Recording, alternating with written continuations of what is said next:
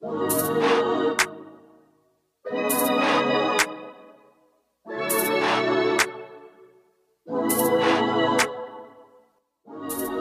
to Happiness Project. Bahasan seputar perspektif, pola pikir, dan kesehatan mental. With your host, Bandoro Gunarso. You are on the way of creating your own made happiness.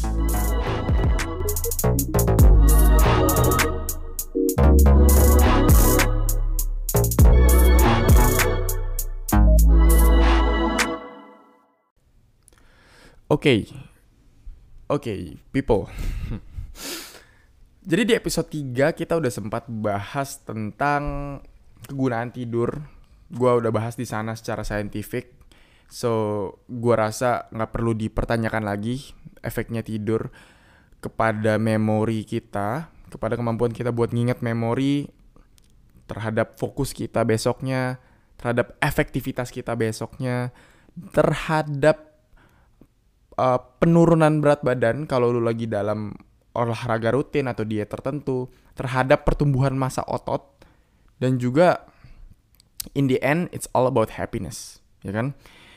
Kalau lu pengen tahu lagi based on science apa yang terjadi ketika lu tidur cukup hampir setiap harinya lu bisa nonton episode 3 yang judulnya apa ya how can sleep make you smarter and sexier. Nah, so yeah, it's all about the science kegunaan dari sleep. Sekarang gue akan ngasih tahu solusi yang ada tentang cara gimana biar kita bisa tidur dengan baik dan efektif. Gimana biar kita bisa cepat terlelap dalam tidur dan juga tidur dengan efektif. How to sleep easily and effectively. Jadi gini, um, ya lagi-lagi gue akan I will use science to make you understand more about yourself. Jadi gue akan jelasin sedikit mekanisme uh, sedikit aja. Gue akan coba jelasin sejelas-jelasnya. It's really important. Ini sangat penting untuk memahami siklus tidur lo. Oke? Okay? So yeah, I hope you ini jelas dan I hope I hope you listen well. Jadi gini, sebenarnya kalau mau dibahas semuanya agak complicated, tapi gue akan ambil dua dua hal, dua sistem yang sangat berpengaruh kepada siklus bangun tidur lo. Oke, jadi ada dua dua sistem, dua apa ya? Ya dua sistem sih. Yang pertama adalah sistem jadi ada gini gini, ada dua hal yang buat lu ngantuk. Ada dua hal yang buat lu ngantuk. Yang pertama adalah sesuatu yang berhubungan dengan adenosin. Oke, okay, adenosin. Ya jadi ini gue lagi bahas sistem yang pertama, hal yang bisa buat lu ngantuk itu adenosin. Jadi kan lu setiap hari beraktivitas, oke? Okay? Lu setiap hari beraktivitas, lu ngapain ya? Misalkan lu kuliah atau lu kerja atau apa pun itu kesibukan lu kan otak akan selalu aktif dan bekerja ya. Nah, otak yang bekerja eh sorry kegeser. Otak yang bekerja pasti butuh yang namanya energi. Enggak enggak enggak otak doang sih, semua otot pun dan lain-lain butuh energi kan. Energinya ini datang dari suatu hal yang namanya ATP. Ya, lu pasti pernah dengar di SMA atau di mana pun ATP. Nah, ATP ini kalau udah dipakai dia akan ngasilin byproduct, akan ngasilin sisa produk sisa yang namanya adenosin. Nah, adenosin yang udah menumpuk akan diinterpretasikan ke otak sebagai rasa ngantuk.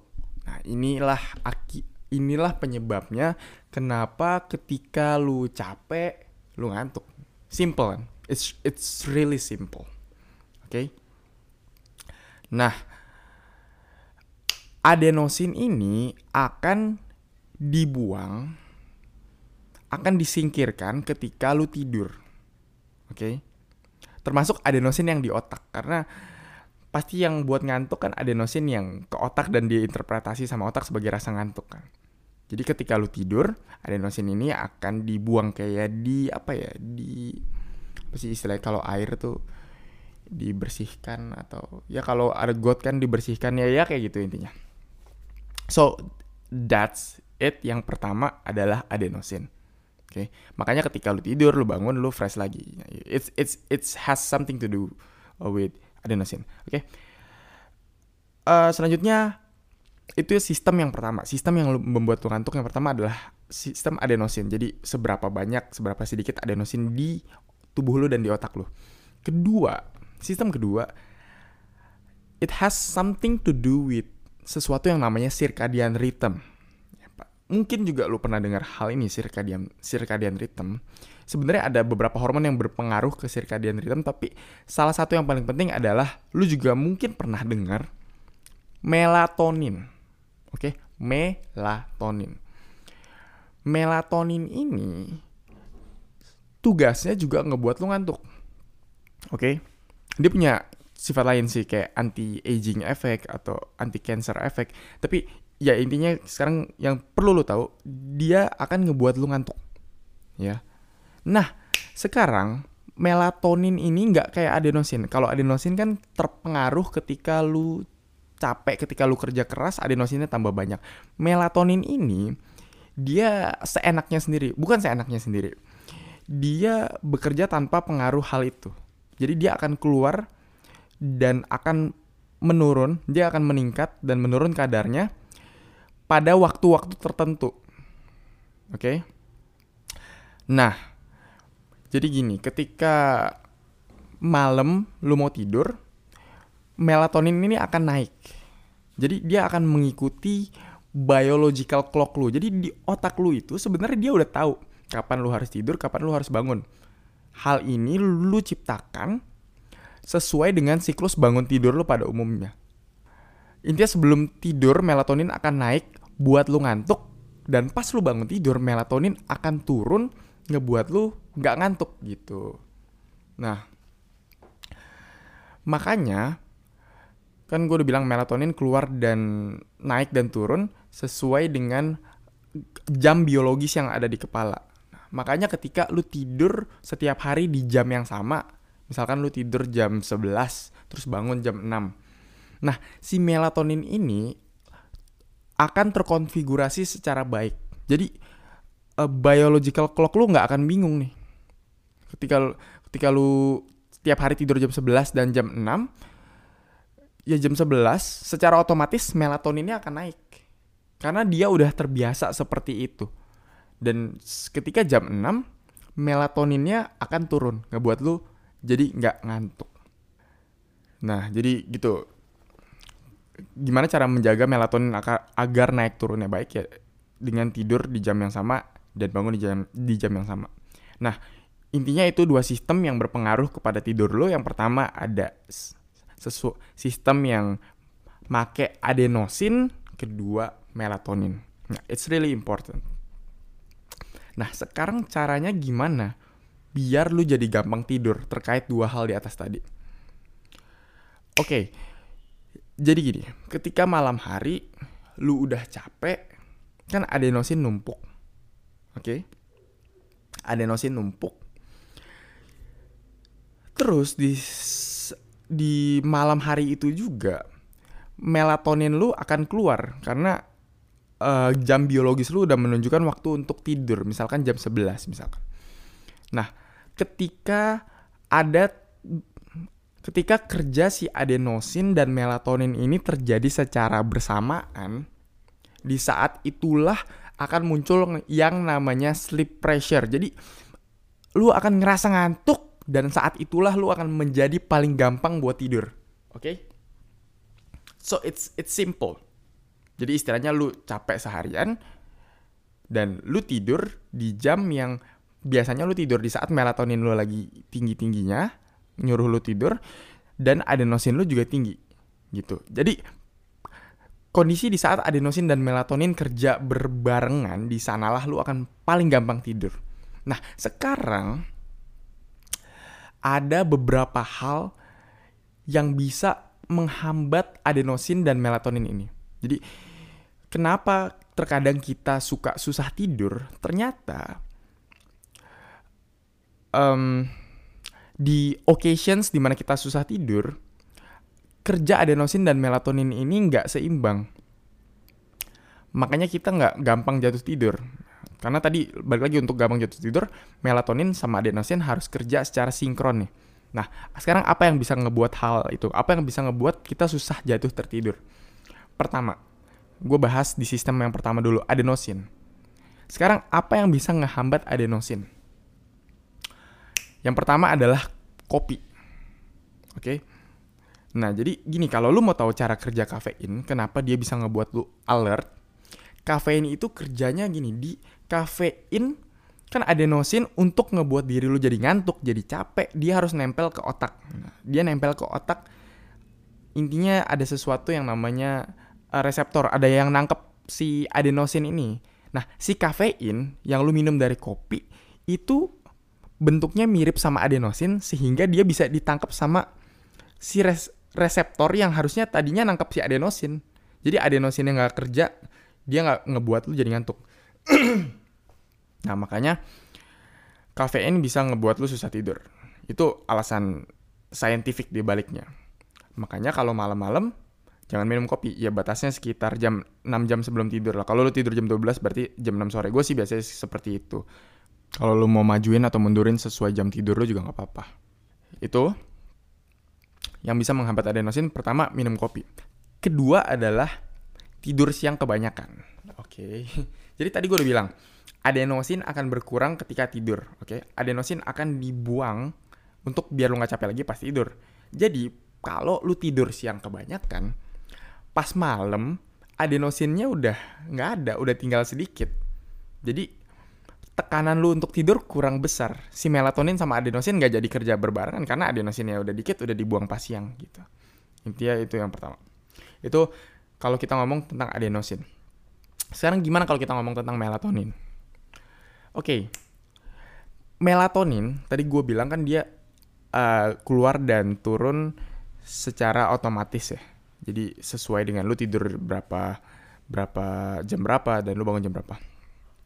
Nah, si melatonin ini bisa terpengaruh sama satu hal. Jadi hal ini juga nge, ya hal ini sebenarnya hal yang ngebentuk jam biologis lo. Nah, hal ini adalah cahaya. Oke, jadi melatonin, pengeluaran dan penurunan melatonin ini tergantung sama cahaya. Oke. Ya, sebenarnya dia otomatis, tapi cahaya bisa mempengaruhi gitu.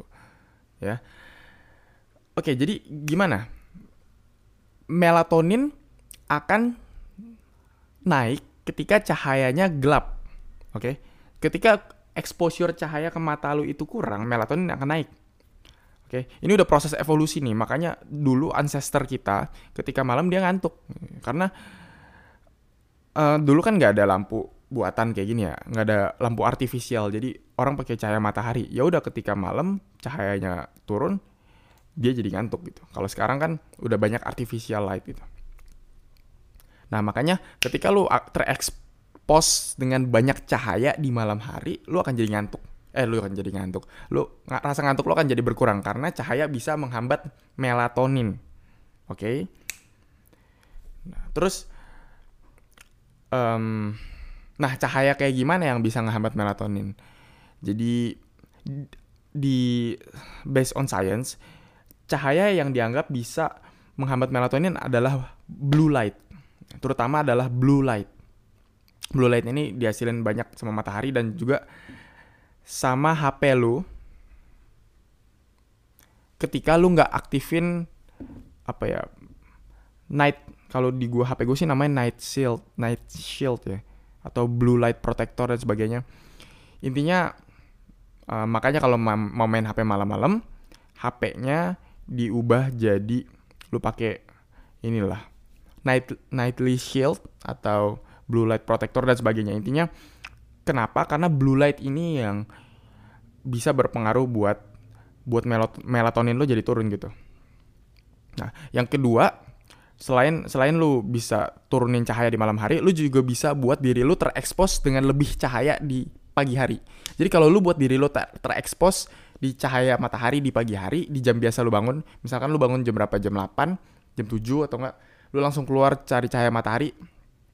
Itu bagus karena itu akan membuat jam biologis lu jadi tersinkronisasi. Jadi tubuh nih mempelajari nih jam berapa biasanya lu bangun, jam berapa biasanya lu tidur. Tubuh mempelajari itu dari cahaya yang terekspos ke mata lu. Oke? Okay? Itu.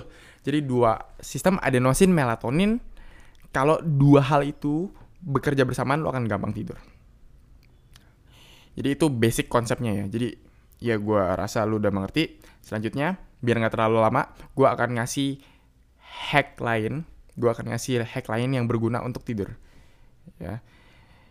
Pertama adalah lu bisa mandi air dingin atau mandi air hangat. Selama ini kan lu ngerasa pasti mandi air dingin itu ngebuat lu jadi bugar ya. Sebenarnya mandi air dingin juga bisa ngebuat lu jadi lebih gampang tidur makanya mungkin apa ya mungkin orang berenang lebih kalau lu habis berenang lu ngantuk ya atau ya mungkin aja karena lu kedinginan atau gimana but intinya ketika tidur kan suhu tubuh lu turun nah tubuh ketika lu mandi air dingin kan suhu tubuh lu juga turun jadi apa ya suhu tubuh lu yang turun dianggap otak lu sebagai signal untuk tertidur gitu. Jadi intinya mandi air dingin bisa ngebuat lu lebih ngantuk dan lebih gampang tertidur. Nah, tapi di sisi lain air hangat juga bisa. Jadi kalau lu mandi air hangat malam-malam juga bisa. Karena air hangat itu dia punya potensi untuk ngebuat tubuh lu jadi relax. Gitu. Itu yang sleep hack yang pertama, mandi air dingin atau air hangat. Kedua, set set habit sebelum tidur. Jadi buat kebiasaan sebelum tidur nih. Tubuh kita tuh kayak tubuh kita ini bekerja kayak if and then machine. Jadi kalau lu pernah belajar programming mungkin kan ada itu tuh yang if if ini then apa. Jadi setelah ngelakuin ini terus apa gitu. Ini apa. Nah, sama kayak badan kita juga gitu sebenarnya. Makanya kalau kalau lapar otak kita akan langsung mikir untuk makan. Kita makan. Kalau bosen bosennya itu jadi trigger. Jadi if if bosen then you buka HP gitu kan. Sama if you see someone you hate muka lu akan then muka lu akan langsung memalingkan dan pura-pura nggak lihat gitu. Intinya tubuh kita tuh kayak gitu. Kalau mau tahu basis dari habits itu kayak gitu. Nah, sama kayak tidur. Jadi ketika lu ngebuat habit, pokoknya sebelum tidur lu harus ngapain? Sebelum tidur lu harus ngapain? Misalkan kalau gua baca buku. Jadi ketika sebelum tidur gua baca buku, otak gua akan mempersepsikan baca buku itu sebagai apa ya? Sebagai if-nya if baca buku dan ngantuk dan tidur gitu. Jadi ketika gue udah terbiasa sebelum ti sebelum tidur baca buku sebelum tidur baca buku gue akan menjadi ngantuk setiap gue baca buku gitu. Ya baca buku jadi kurang efektif sih tapi ya it's quite efektif untuk ngebuat gue bisa tertidur dengan pulap eh dengan pulas sorry. Terus itu yang pertama tadi main dingin atau mandi air hangat. Kedua set habit sebelum tidur. Yang ketiga posisi tidur. Jadi um, biar tidur lo efektif, jadi ini udah banyak penelitiannya, lo mau cari juga bisa. Posisi yang paling bagus untuk tidur adalah posisi miring. Oke? Okay? Jadi miring ke kanan atau miring ke kiri itu adalah posisi yang paling bagus karena dia adalah posisi di mana adenosin lu kebuang paling banyak. Oke? Okay? Jadi pas malam pas lu tidur tuh kan adenosin dibuang. Nah, ketika lu tidurnya miring, adenosin yang dibuang akan lebih banyak dan lebih efektif. Jadi paginya lo lebih fresh, intinya gitu. So, posisi tidur yang paling bagus adalah posisi miring. By research, by penelitian. Dia neliti di manusia dan neliti di tikus juga gitu. Ya itu. Um, itu yang ketiga. Terus yang keempat adalah, nah ini yang terjadi jangan memaksakan diri untuk tidur. Nah ini agak counterintuitif sih dengan yang gue bilang sebelumnya. Kan ini gue ngajarin tentang tidur, tapi gue juga bilang jangan memaksa diri untuk tidur. Tapi ini kecenderungan yang terjadi nih, misalkan ketika besoknya lu ada project besar atau saat ujian, lu pasti jadi lebih susah untuk tidur karena panik. Gak tidur, panik gak dapet energi untuk besoknya misalkan.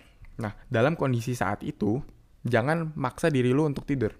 Atau enggak orang sering biasanya lihat jam, lihat jam, lihat jam, uh, by research itu katanya lebih parah sih, lebih bisa ngebuat lu lebih anxious dan lebih nggak tidur.